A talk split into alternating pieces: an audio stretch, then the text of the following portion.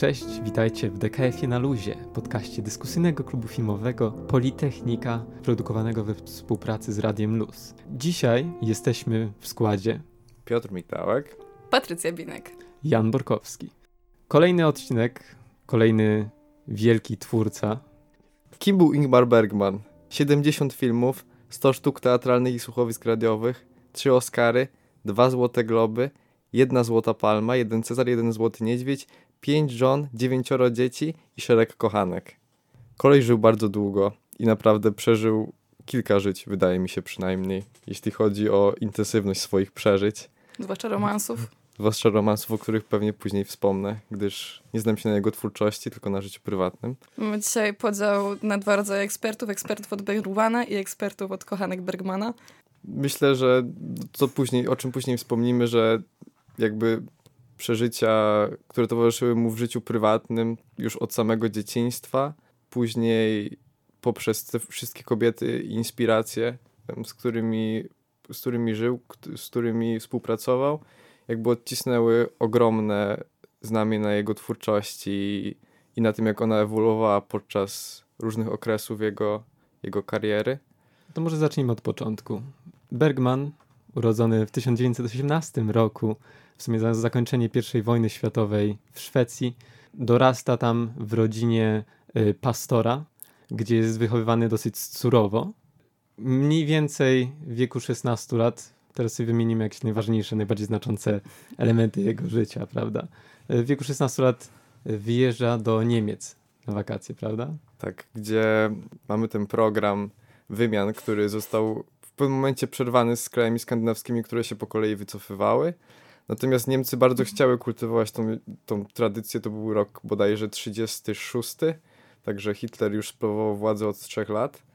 I młody Ingmar właśnie wyjechał na tą wymianę do Niemiec, gdzie zetknął się z taką, z taką postacią nazizmu w czystej postaci, już nie tej takiej leciutkiej, powiedzmy, obie, objawionej gdzieś tam poprzez jakąś tam, jakiś tam, jakąś jakieś tam rozmowy z ojcem, czy powiedzmy historykami, którzy uczyli go w szkole, którzy, do których gdzieś tam ten nazizm przesiąknął poprzez e, różnego rodzaju publikacje. Natomiast Ingmar dostał tym nazizmem powiedzmy prosto w twarz i no też można przeczytać w listach, które, e, które wysyłał matce, że no, na początku troszeczkę może ironicznie, ale później już to Heil Hitler na, na, na końcu już tak budziło lekkie obawy, ale na szczęście młody twórca jeszcze nie był wtedy twórcą, nawet o tym pewnie jeszcze długo nie myślał, ale ocknął się z tego obłąkania, jak, jak dowiedział się bardziej, jak wyglądają realia właśnie obozów koncentracyjnych i możemy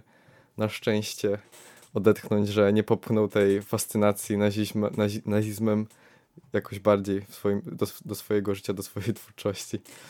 Zależy, co rozumiesz jako był twórcą, ponieważ w sumie od dziecka interesował się teatrem, najpierw takim zabawkowym, lalkowym, potem został też zaangażowany w teatr dziecięcy w Sztokholmie, a także potem do teatru obywatelskiego, gdzie zagrał aż w jednej sztuce, która chociaż otrzymała bardzo dobre recenzje od krytyków, niestety była finansową klapą i dlatego Ingmar został cofnięty z powrotem do teatru dziecięcego. Także miał też epizod jako człowiek na deskach teatru, a nie za kulisami. Właśnie mimo tego, że zaczynał w teatrze, to od zawsze, od małego, odkąd zobaczył swój pierwszy film, marzył o karierze filmowej, żeby być reżyserem, żeby je tworzyć.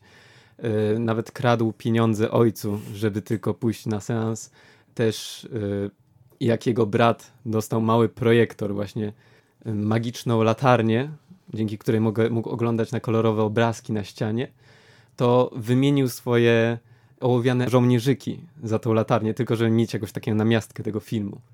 No i później, w czasie już II wojny światowej, kiedy już minęło jego zainteresowanie Hitlerem, bo się okazało, że jego fascynacja była trochę iluzją, że Hitler nie jest takim dobrym człowiekiem, jak zobaczył e, w Niemczech, to stwierdził już wtedy, że nie chce już mieć z polityką nic do czynienia i e, w latach 40. zaczyna reżyserować swoje pierwsze sztuki.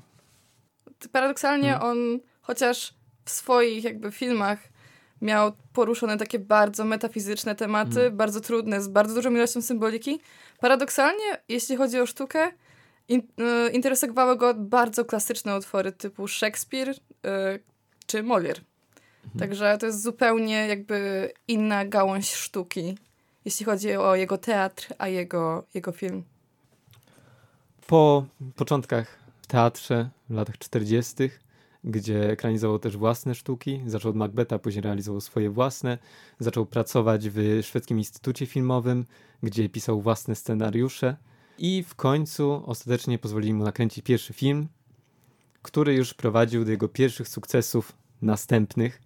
E, pierwszym sukcesem artystycznym i w ogóle uznanym przez krytyków e, była siódma pieczęć. I teraz zaczynamy te, temat filmowy, więc ja chciałem się was zapytać, jakie było wasze pierwsze zetknięcie się z Brygmanem? W sensie, jaki, jak o nim usłyszeliście, ewentualnie jaki film obejrzeliście i jaki była, jaka była wasza reakcja? E, to w moim przypadku to było takie troszeczkę. Chciałem po prostu bardzo spróbować czegoś, od czego dużo osób się odbija i mówi, że to bardzo po prostu ciężkie kino. Tak po prostu ludzie stawiają sprawę i chciałem sam sprawdzić, czy faktycznie jak to się ma do mojego obecnego stanu wiedzy i jakiejś tam świadomości, którą nabyłem. No i myślę, że Persona to nie był dobry wybór na początek, ale myślę, że skonfrontowanie to z Gombrowiczem i z maskami i samą formą w sumie jakoś tak się spięło razem i ta persona nie wciągnęła i wciągnął mnie Bergman i ten świat zaczął ta surowość, te dramaty ludzkie i ta duchowość, o której już też wspominałem, mówiąc o Tarkowskim, też tutaj religijność i duchowość gra pierwsze skrzypce. Jakoś tak. No ja właśnie spotkałem się z personą, też to było moje pierwsze zetknięcie z Brygmanem, bo stwierdziłem, że obejrzę pierwszą setkę film webu. Myślę, że każdy kiedyś był w tym swoim momencie życia filmowego, przynajmniej mi się tak wydaje, e, bo sam tak zaczynałem. I trafiłem w końcu na personę, od której się kompletnie odbiłem zupełnie nie wiedziałem, o czym ten film jest. Sam ten montaż na początku też w ogóle był dla mnie odrzucający. I trochę się obraziłem na Bergmana, bo tyle słyszałem o nim, że jest taki super artystyczny, w ogóle każdemu się podoba i w ogóle w końcu w pierwszej 60 nawet chyba film webu. A tutaj kompletne rozczarowanie, bo był to film chyba dla mnie za ciężki, też nie wiedziałem czego się spodziewać za bardzo. Jednak yy, odobraziłem się na niego, kiedy trafiłem na film Tam, gdzie rosną poziomki. I to był tak ciepły film, w sensie te całe relacje razem z tymi retrospekcjami, w ogóle takim rozmyśleniami, które do mnie dotarły, sprawiły, że na nowo chciałem po, poznać Bergmana. No u mnie kontakt pierwszy z Bergmanem był zupełnie z innej strony, zresztą polecony przez siedzącego po mojej lewej obecnie Piotra, bo ja zaczęłam od szeptów i krzyków. Jedyne, co mogę powiedzieć ludziom, którzy zastanawiają się, od czego zacząć przygodę z Bergmanem, to nie zaczynajcie od szeptów i krzyków. E, jakkolwiek do mnie ten film, mnie ten film bardzo uderzył, tak jest on właśnie na tyle przesycony tą skandynawską, czy może nawet staroskandynawską narracją, na tyle przesycony tą bergmanowską symboliką, że może być ten odbiór utrudniony. Z drugiej strony, a mnie na przykład pchnęło to do jakichś dalszych eksploracji zarówno filmowego świata, jak i też Bergmana, bo niedługo później obejrzałam Personę, e, bo było to też tak naprawdę jedno z moich pierwszych spotkań z takim ambitniejszym kinem, kinem nie popcornowym, nie lateksowym. Także uważam, że jeżeli ktoś chce zacząć, jak najbardziej, być może od Persony, może od Siódmej Pieczęci, może od Jesiennej Sonaty właśnie – ale niekoniecznie może aż z tak wysokiego poziomu, jakim są szepty i krzyki. Aczkolwiek już trochę później bardzo polecam. Właśnie dla wielu osób Bergman jest tym pierwszym zetknięciem się z kinem artystycznym. Przynajmniej u mnie tak było, u ciebie tak było. Nie wiem jak u ciebie Piotrek, ale właśnie e, tak jak wspominałeś, Bergman jest taką osobistością w świecie kina, że e, aż wstyd by było go trochę nie lubić, nie? W sensie ma Troszeczkę. taką opinię, jest takim posągiem, powiedzmy. Ciężko go przesunąć, ciężko go wyrzucić gdzieś, ciężko się do niego nie odnieść, ciężko na niego nie patrzeć. Ciężko zrobić coś, e, szczególnie w Skandynawii, nie odnosząc wrażenia, że jest ogromny cień, który gdzieś zasłania ci cały horyzont i gdzieś ogranicza twoje pole widzenia, bo każdy krytyk, każdy, każda osobistość kina, która zobaczy twój film, szczególnie jak jesteś młodym szwedzkim reżyserem, albo cię, jest duża szansa, że wsadzi cię do jednego worka, czyli naśladowców, albo do drugiego worka, czyli kompletnych rewolucjonistów w cudzysłowie. Jest Może- to problem też kina rosyjskiego, gdzie chyba każdy będzie Tarkowskiego. Tak samo może być, w- wydaje mi się, że Miloš Forman był na tyle międzynarodowy, że to nie jest problem kina czeskiego, ale jeśli chodzi o kino artystyczne w Polsce, to też zawsze będzie to porównywanie do Kieślowskiego i to Tak. będzie chyba Kieś- zawsze się żyło na my mamy, tą, my mamy tą wielką trójkę naszą. Mamy Kieślowskiego, Mhm. Polańskiego i Wajdę. Wajdę. To Tak. jest jeszcze, jak Włosi mają Feliniego i Antonioniego. No ciężko się jest od tych wielkich mistrzów uwolnić Mhm. jednak. I myślę, że w przypadku Bergmana to, to jest jeszcze bardziej dobitne, bo Jest jednym z niewielu, jeśli chodzi o kino skandynawskie. Mhm. Ma, mają młodzi skandynawscy, nie tylko szwedzcy reżys- reżyserowie, coś takiego, że mają tą karzącą rękę Mhm. bergmanowskiej klasyki na sobie. No, Musimy- wystarczy też popatrzeć na to, e, jak Bergman wpłynął na kino w ogóle, bo zaczął tworzyć dosyć wcześnie, tak, w sensie lata 50., lata 60. E, Jest to e, poziom, który polega na tym, że wpłynął na filmowców na całym świecie, bo to jest ten rok przełomu, gdzie jest ta nowa fala francuska i przy okazji jest właśnie Bergman, który tworzy swoje, swoje kino poetyckie. no później jeszcze mamy Tarkowskiego, z którym, którym, z którym się nigdy nie poznał, ale... A powinien? Ale mieli ciekawą relację w sumie, gdyż Tarkowski też umieścił chyba trzy bodajże lub cztery jego filmy w swojej takiej topce, top 10, które gdzieś tam kiedyś stworzył. Tak samo Bergman odnosił się do Tarkowskiego zawsze bardzo pozytywnie i gdzieś tam te, te wspólne korelacje zawsze były, jeśli chodzi o ten temat duchowości właśnie, czy ligi może nieco inaczej przedstawiony e, u obu panów, ale wybrzmiewał zawsze on przez tą ciszę w odpowiednich momentach i przez, przez tą grę aktorską, przez tą tajemnicę, która gdzieś wisiała w powietrzu zawsze. A E, także umiłowanie do ulubionych aktorów.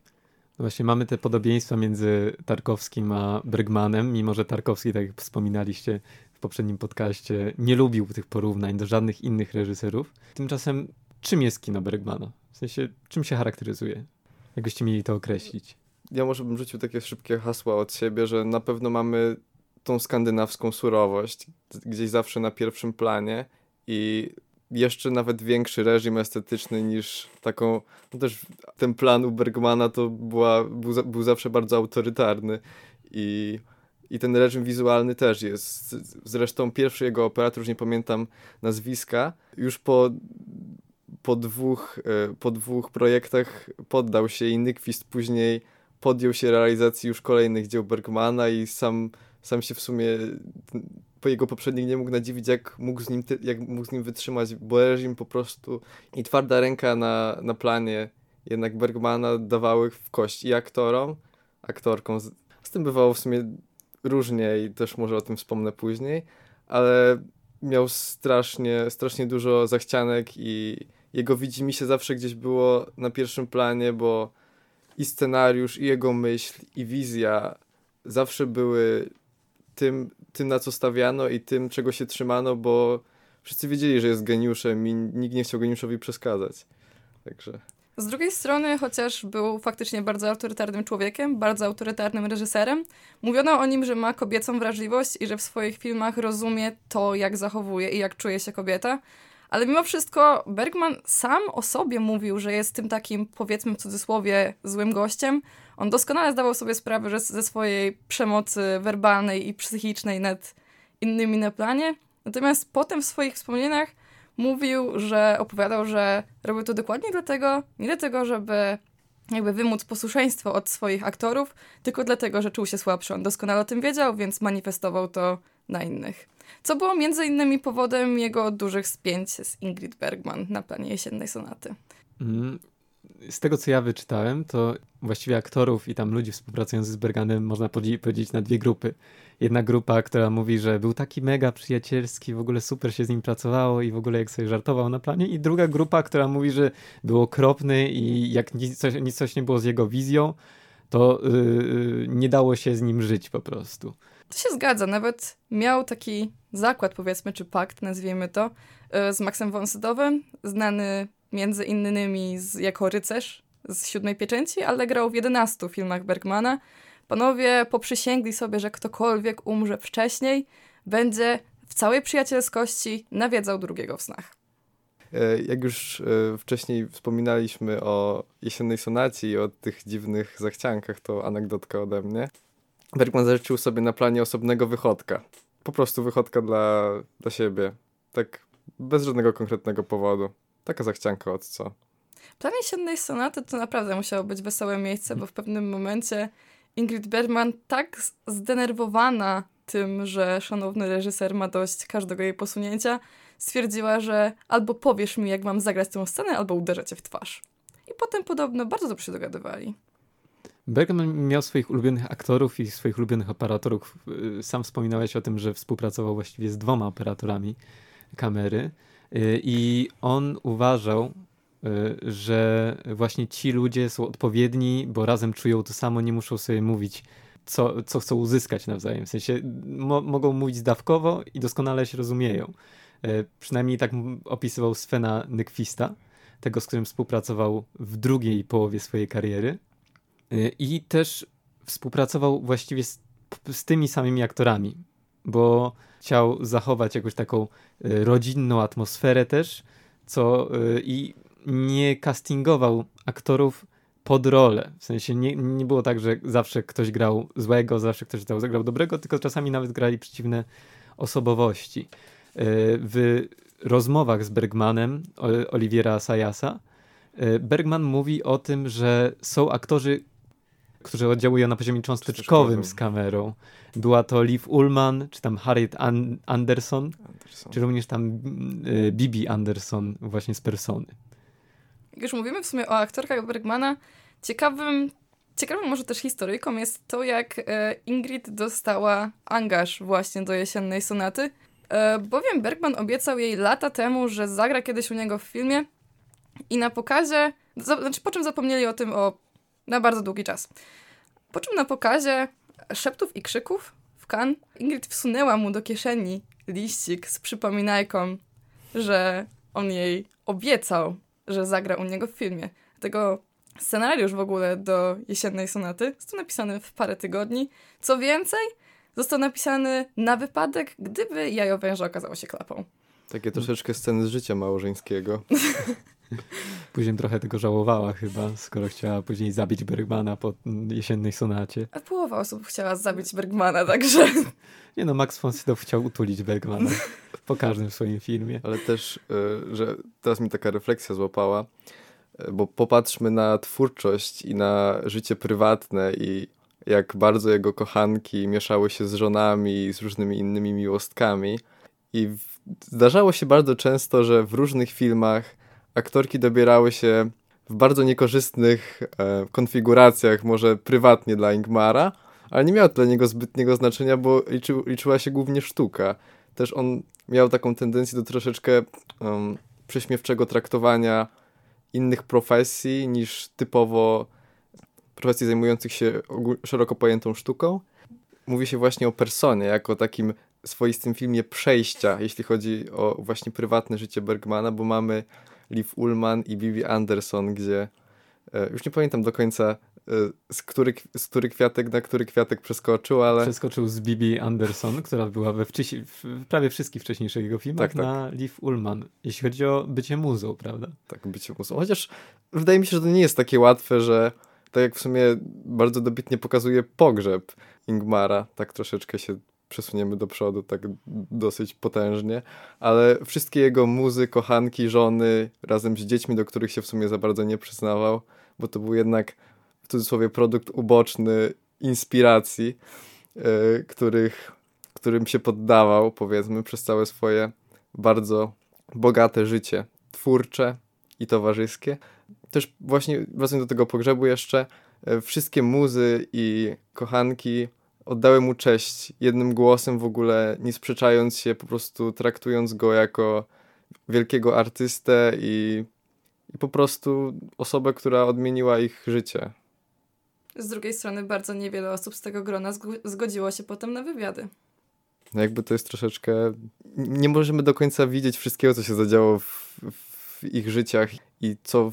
No Bergman był troszeczkę oschły, jeśli chodzi o i był też egoistą, no musimy też o tym troszeczkę wspomnieć. Czasami, czasami zachowywał się naprawdę okropnie, ale myślę, że to nie jest najważniejsze w kontekście jego sztuki.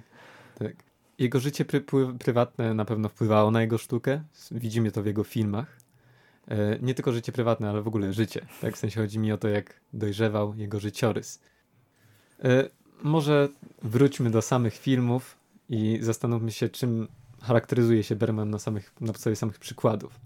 Pierwszym jego filmem, który mi się spodobał i... E, Też chronologicznie który... jest w dobrym miejscu. Tak. Jest to Tam, gdzie rosną poziomki. Bergman przedstawia właściwie kino drogi we własnym wydaniu gdzie doktor, mm, lekarz mm, wyjeżdża na honorową imprezę swojej uczelni, gdzie ma dostać odznaczenie. I w podróż tę wybiera się samochodem razem ze swoją synową i poznaje różnych ludzi w trakcie i przypomina sobie swoją przeszłość. Tutaj, jeśli chodzi o typowe bergmanowskie motywy, które już tutaj spotykamy, jest to przede wszystkim strach przed śmiercią, jakieś motywy przemijania. Szczególnie mamy kontynuację w siódmej pieczęci, gdzie mamy dosłownie personifikację śmierci. I właśnie, w, jeżeli przerwę jeszcze na moment, w poziomkach mamy przede wszystkim ta droga objawia się w takim metafizycznym sensie, gdzie mamy te powroty cały mhm. czas i tą taką duchowo-baśniową podróż i odwiedzanie tych.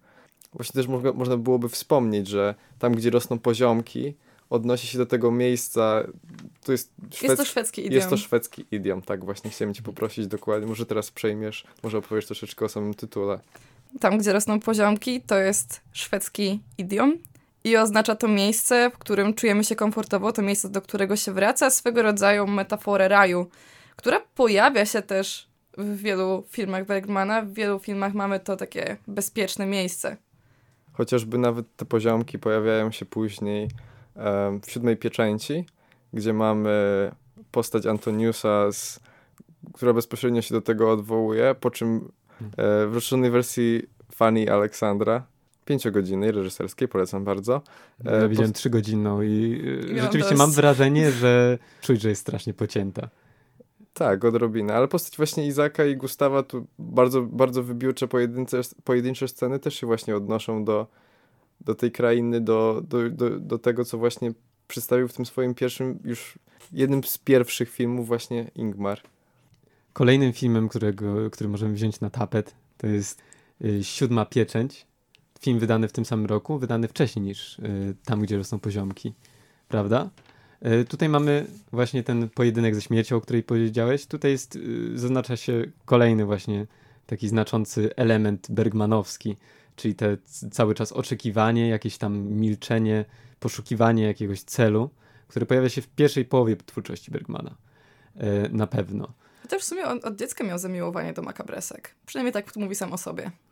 Mm, też mówi właśnie, że na samym początku był dosyć pesymistycznym twórcą.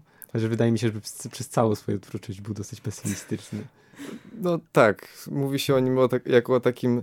Um, Poziomki może... były pesymistyczne. Dlaczego tak mówisz? Może tutaj... On tak powiedział, że yy, w rozmowie z Asayasem, bo mówił, że no każdy, każdy młody jest pesymistyczny. Ja też miałem pesymistyczne filmy na początku. No ciężko zaprzeczyć, bo jednak odnoszą się bezpośrednio, może poziomki nie aż tak bezpośrednio, ale jednak siódmopieczęć do śmierci i do tej pustki, która gdzieś tam drąży nas i też ten monolog, który prowadzi, bo to jest ciężko to nazwać rozmową, kiedy, kiedy tak naprawdę Antonius e, odbywa sobie taką walkę z tym, że chciałby wyrzec się Boga i chciałby o nim zapomnieć, ale ciągle nie może i to jest, stawia mnóstwo pytań retorycznych i, i właśnie śmierć milczy cały czas. I nie chce mu odpowiedzieć i właśnie to jest to milczenie pustki, e, które we wczesnej, we wczesnej twórczości Bergmana już później troszeczkę ewoluowało w Through the Grass Darkly, czyli jak w zwierciadle, to jest bardzo źle przetłumaczonym tytułem, dodajmy. To jest bardzo źle przetłumaczonym tytułem. Za chwilę się do tego, możemy w sumie już do tego przejść, e, gdyż e, w angielskim przekładzie nawiązuje bezpośrednio do listu do Koryntian, gdzie święty Paweł, apostoł, podkreśla właśnie immanentny stan rzeczy naszego ludzkiego życia i tego, że tak naprawdę nie widzimy tego, co chcielibyśmy zobaczyć i też właśnie postać Um, Karin. E, tak, bo y, jak w zwierciadle opowiada o czym? O czym opowiada jak w zwierciadle? O, to jest bardzo tak, ciężkie. w zarysie, w ogólnym zarysie.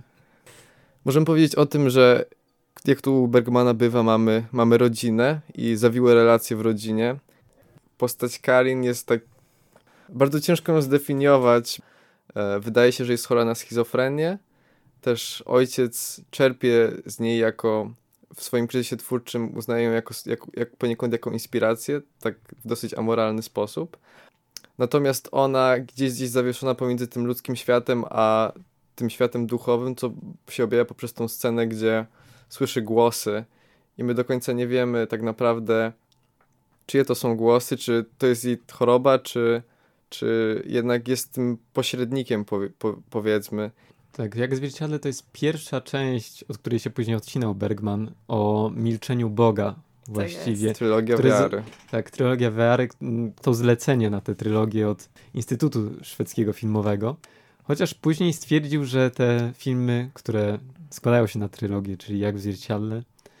Goście Wieczerzy Pańskiej. Yy, I Milczenie. Yy, są zbyt różne stylistycznie, ponieważ wydaje mi się, że w tym momencie możemy odróżnić Bergmana przed milczeniem i Bergmana po, po milczeniu. Ponieważ wcześniej tego filmy są bardziej teatralne, są bardzo skupione na monologach i dyskusji między postaciami.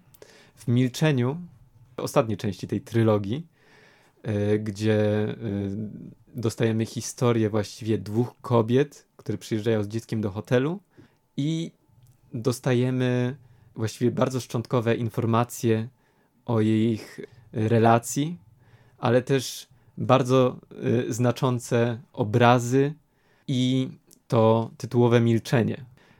Milczenie wydaje mi się, że też jest bardzo mocną inspiracją dla wielu artystów, w milczeniu e, widziałem praktycznie całe Mulholland Drive Lyncha, miałem wrażenie. I e, jest to e, film, który zdefiniował Bergmana na nową epokę, ponieważ mamy, znowu, mamy tutaj to, co będzie następnie go charakteryzowało, czyli dwie postacie, najczęściej kobiece, które mają ze sobą jakiś konflikt. Jest postać dziecka, które jest niewinne i jest takim obiektywnym obserwatorem, Właściwie, jak u Tarkowskiego. Jak u Tarkowskiego. I też yy, i właściwie to dziecko jest tym widzem. Za bardzo nie wiemy, co się dzieje. Coś się dzieje, coś poważnego. Yy, no i dostajemy tutaj, poza tematyką religijną, która też jest widoczna u Tarkowskiego przez cały okres jego, tematykę rodzinną. Yy, która jest bardzo charakterystyczna, jest charakterystyczna też... dla Bergmana, już jeśli chodzi o cały przekrój twórczości. Dorobiliśmy się wprawdzie powie samego pojęcia rodzina Bergmanowska. No i też dostajemy y, motyw poniżenia. Wydaje mi się, że w każdym filmie jest moment, kiedy bohater jest poniżany.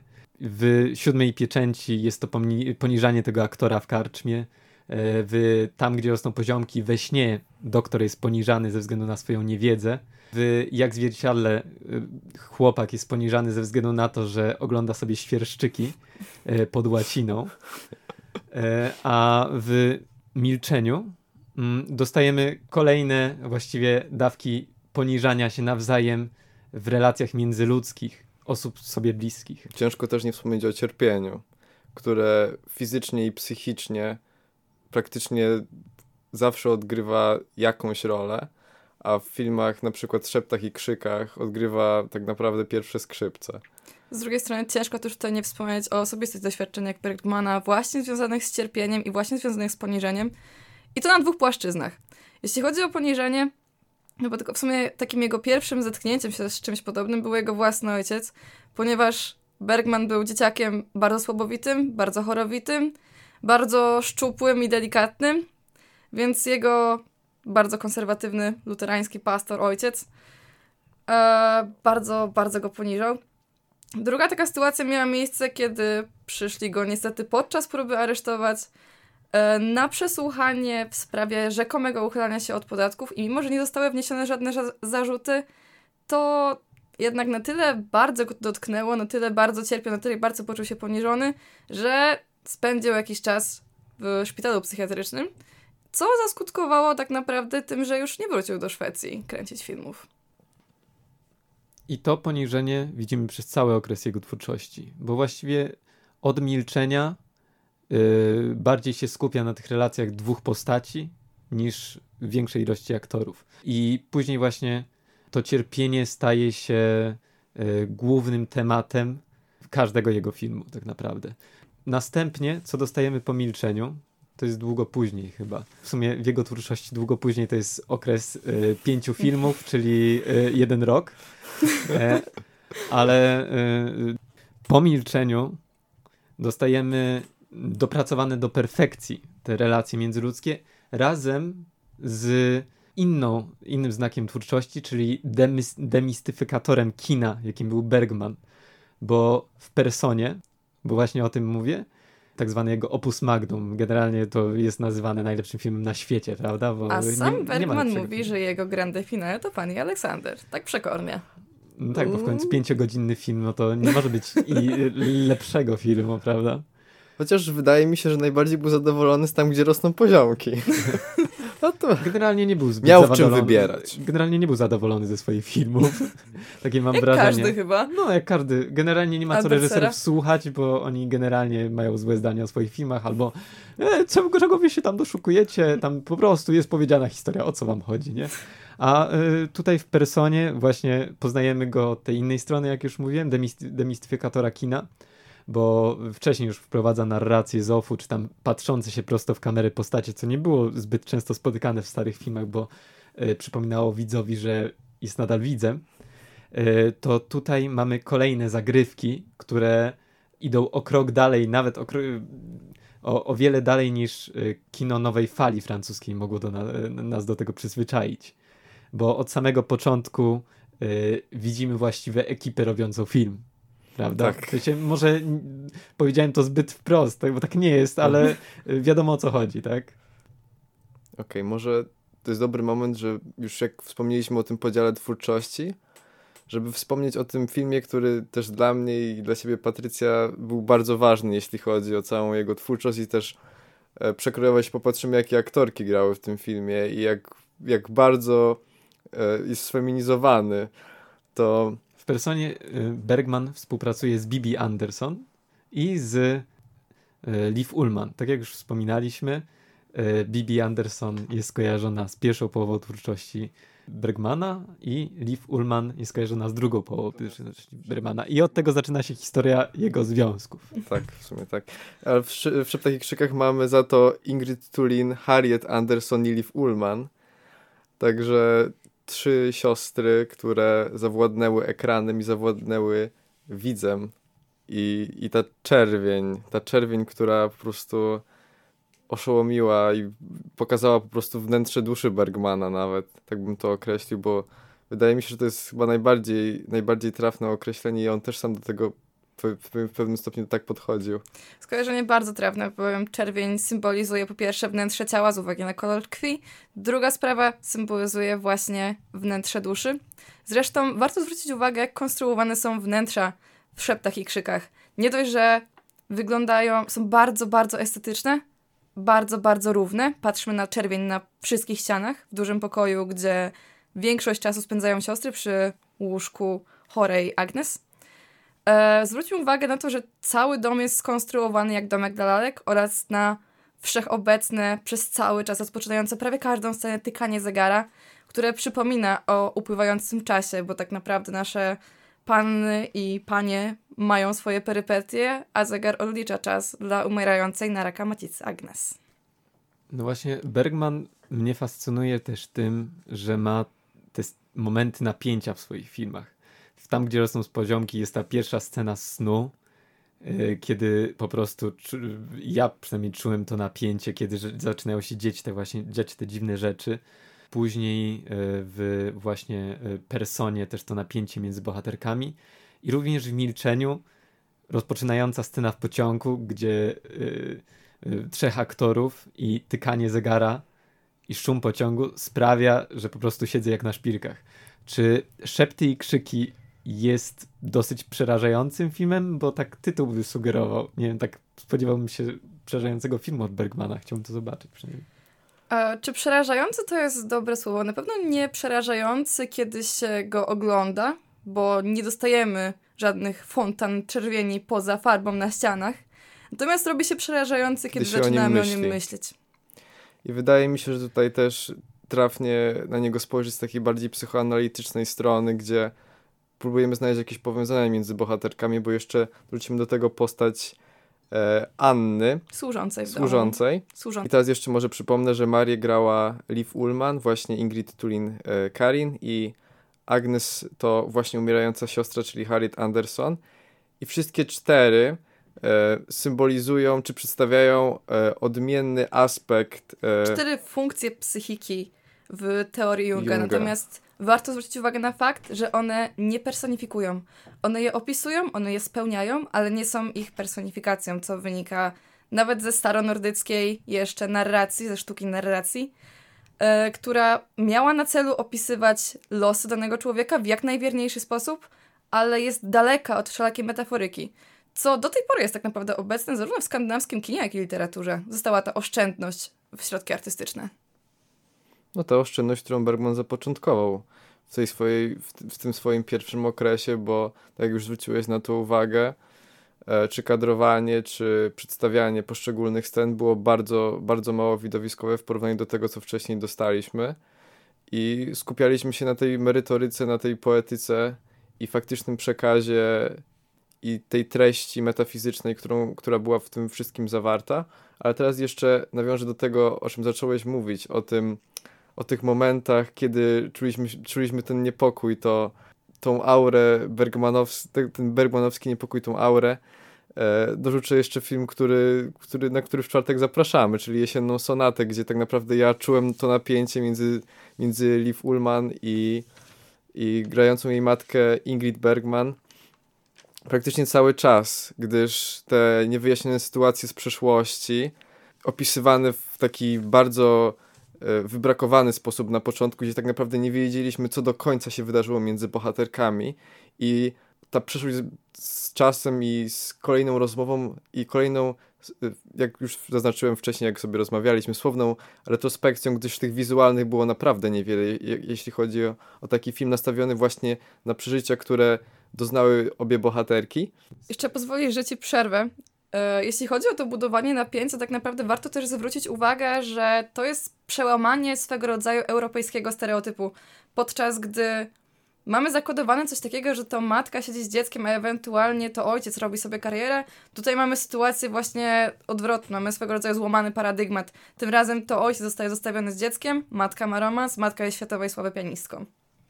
No też w sumie matka tak naprawdę porzuca dwójkę swoich dzieci. No, tak naprawdę nie wiemy do końca, czyim dzieckiem się zajmuje Liv. Tak naprawdę od, od samego początku to było dla mnie bardzo niejasne. I później jeszcze bardziej, może znienawidziłem to jest złe słowo, ale powątpiewałem w jakieś, w moralność e, bohaterki granej przez, In, przez Ingrid.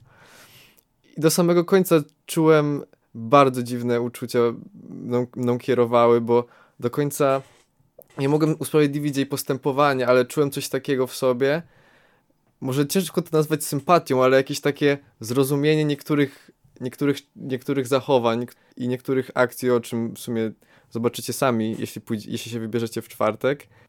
Była, była złą osobą, ale, ale ale cały czas walczyłem z sobą i walczyłem z bohaterkami, by jakoś wypracować ten kompromis. I wydaje mi się, że takie bardziej emocjonalne przeżycie tego filmu, też jeśli ktoś miał jakieś właśnie problemy, z, czy to dorastając, czy obecnie z rodziną, może nawet niekoniecznie z rodziną, ale bardzo napiętą przeszłość, która wyma wymaga po prostu rozmowy i pogodzenia się z nią.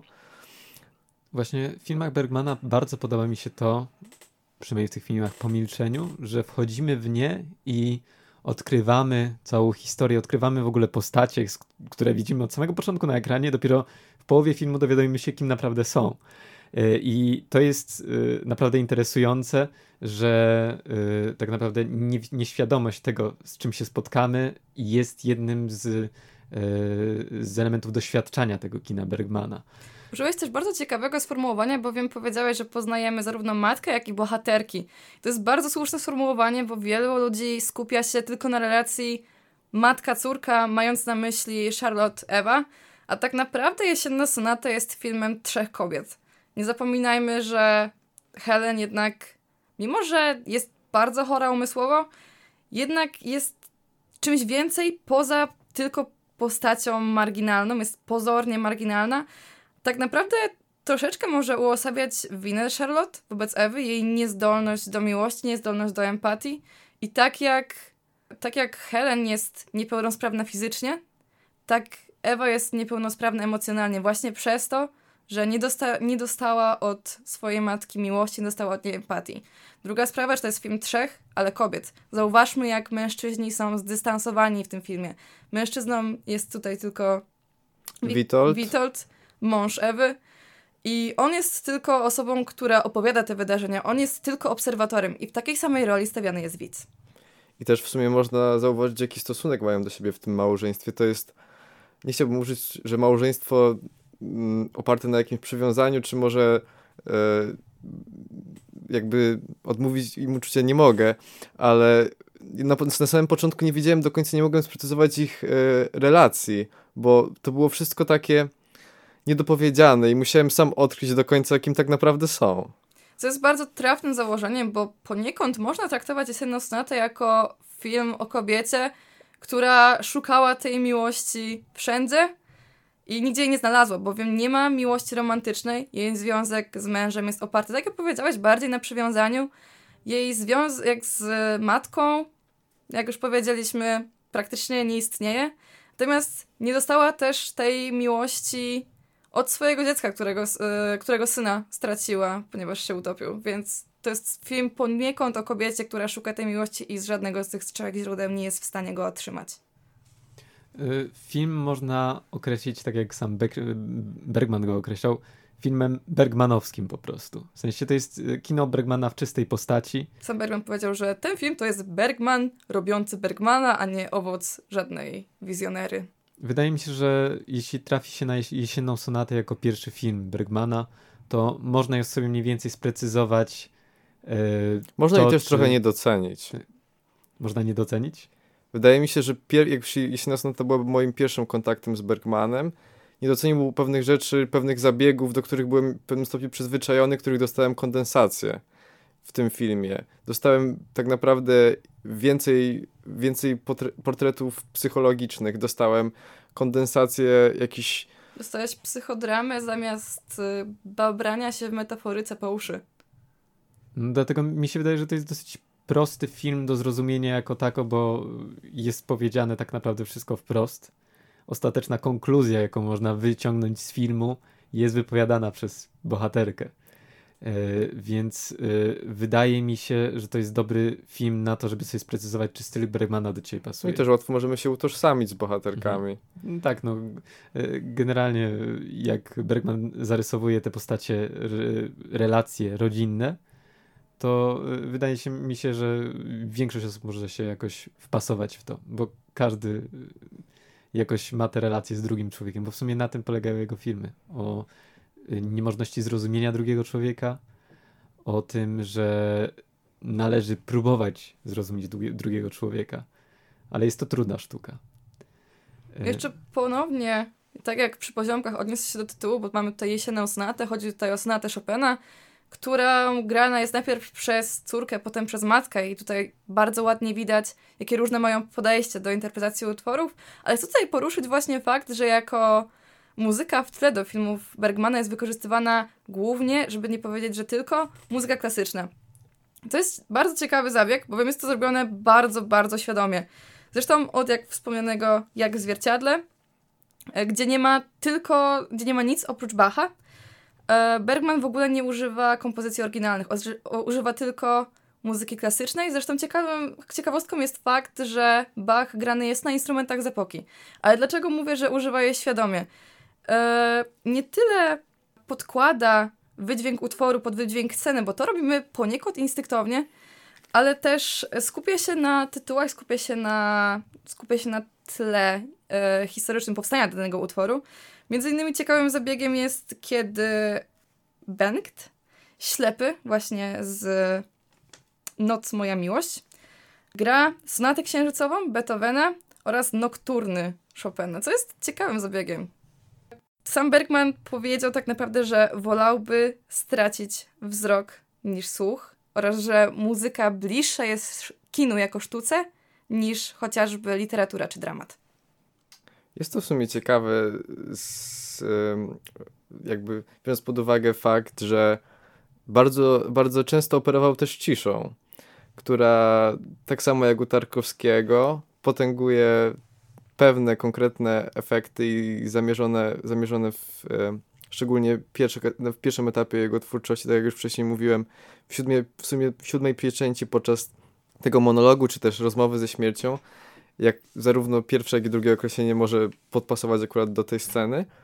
E, też w sumie wspominałaś o Bachu, jak, jak w zwierciadle, ale też milczenie przy stole chociażby w pewnych momentach, czy milczenie gdzieś w sytuacjach między mm, Karin i jej bratem. Wszechobecna cisza w szeptach i krzykach tak naprawdę. No, tylko przerywana tym tykaniem zegara, tak Dokładnie. jak w Dunkierce Dolana. Sorry, hej. Dobra. Bergman mówił o swojej ciszy, że powód jest dosyć prozaiczny, dlaczego ją używa, bo widz tak y, może wgłębić się w siebie w tym samym w tym czasie, w sensie widzi dosyć statyczny obraz, bo ujęcia Bergmana są dosyć długie, nie są to ujęcia Tarkowskiego aż takie długie, ale są dosyć ładne, statyczne i w tym momencie widz sam może y, zerknąć do głębi swojej duszy, co aktualnie czuje, bo na emocjach Bergman się właśnie skupiał, a swoją twórczość Bergman kończy, przynajmniej tak twierdzi, że kończy, Fanny i Aleksander. E, film pięciogodzinny z 1982 roku. Bergman mówi, że to jest jego ostatni film i więcej nie kręci. E, wyszło jak wyszło. Wyszło jak wyszło, e, bo później kręci dla telewizji i mówi, że to się tak nie liczy, że jak kręci dla telewizji, to wtedy filmy się nie liczą. No i większość uważa, że to jest o jego opus magnum. W sensie poza personą, że to jest pięciogodzinny film, je, wersja trzygodzinna w ogóle do skreślenia. E, e, film pięciogodzinny. Bergman nie szanuje trzygodzinnej wersji. Tak, gdzie pięciogodzinny film jest jedynym słusznym, e, słuszną drogą oglądania. E, wy widzieliście Fanny Aleksander? Tak jest. To był w sumie jeden, jeden z pierwszych filmów, których się podjąłem, co było troszeczkę błędem. E, gabarytowo jednak no jest to potężna dawka Bergmana. Objętościowo gabarytowo. No gabaryt, jeśli chodzi o, o, o Fanny Aleksandra, to jest akurat dobre słowo. Bo w sumie tutaj w tym Bergmanie takim ostatecznym mamy, y, może nie mamy 100% Bergmana w Bergmanie, tak mi się wydaje. Mamy te relacje rodzinne, mamy przepiękną scenografię, bo tak. scenografia w każdym filmie właściwie była przepiękna, dopracowana do szczegółu, mimo że y, w momentach, kiedy było pusto i sama postać wychodziła, wtedy kiedy mieliśmy się spotkać, y, skupiać na emocjach, skupialiśmy się, to jednak scenografia i tak była dopieszczona. Podobnie jak u Tarkowskiego, każdy kadr to jest małe arcydzieło, które można by było sobie powiesić na ścianie. Mamy też tutaj autobiograficzne y, nuty, jakieś takie poszlaki, chociaż Bergman się kompletnie od tego odcina, to jednak mamy tutaj e, ojczyma, pastora, właściwie biskupa, tak, tak? tak który się nad nim znęca, też różne rodzaje poniżenia. E, Fascynacja teatrem. Fascynacja teatrem, właściwie teatr się też pojawia prawie w każdym jego filmie.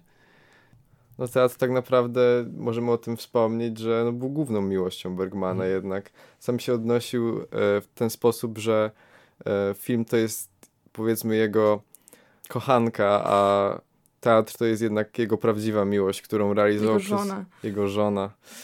Chociaż e, po skończeniu Fanny Aleksander, kiedy kręcił te filmy telewizyjne i realizował miliony sztuk, to i tak jak się osiedlił e, już pod koniec życia na wyspie Faro, czy nie wiadomo jak to się czyta. Nie wiemy do końca, ale... Zachęcamy do sprawdzenia, możecie nam potem powiedzieć. E, to oglądał obowiązkowo jeden film dziennie w stodole przerobionej na e, salę projekcyjną. Zresztą bardzo zachwycił się e, Ocean, Ocean's Eleven, tę najnowszą wersję z Clooneyem i z Pittem. Kazał to obejrzeć całej rodzinie aż. Przy czym dodajmy, że bardzo nie szanuje Oscarów, bo wiem, kiedy został nominowany i wygrał właśnie za Fanny Alexander, to pojechał do swojego mieszkania w Monachium, wyłączył telefon i dosłownie przespał galę. No i tak prezentuje się w ogólnym zarysie twórczość Bergmana, twórcy, który zainspirował całą Szwecję. E, całą Szwecję i miliony Całą- reżyserów na całym świecie. Stanley Kubrick go podziwiał, tak jak już wspomnieliśmy, Tarkowski. Również nowi twórcy, taki jak, taki jak, tacy jak Ari Aster, czy też e, Robert Eggers, którzy świętują teraz triumfy ze swoim Midsommar i The Lighthouse, e, zrobili nawet podcast na, o twórczy, raczej nie o twórczości Bergmana, ale o swojej twórczości W inspirowanej kontekście Bergmanem. twórczości Bergmana. Tak, o tym, y, co wzięli od Bergmana i czego mu zazdroszczą właściwie. To pozostaje nam teraz, po tym naszym dosyć długim wywodzie, zaprosić, na, zaprosić e, wszystkich słuchających i nie tylko słuchających na jesienną sonatę, którą Patrycja będzie prelegować Zapraszam serdecznie. i dyskutować o niej i mam nadzieję, że sobie podyskutujemy i, i wszyscy przejdziemy jakoś przez tą, przez tą podróż do, do może naszego dzieciństwa, może dzieciństwa kogoś innego. Może dzięki Bogu nikogo? Miejmy nadzieję. Pozostaje mi jedynie zaprosić Was na czwartkowy DKF-owy seans. Będziemy prezentować jesienną sonatę, już, o której już wcześniej wspominaliśmy. I właśnie Patrycja po mojej prawej będzie prelegować i dyskutować z Wami e, o filmie. A dzisiaj mówili dla Państwa Jan Borkowski. Piotr Migdałek. i Patrycja Winek.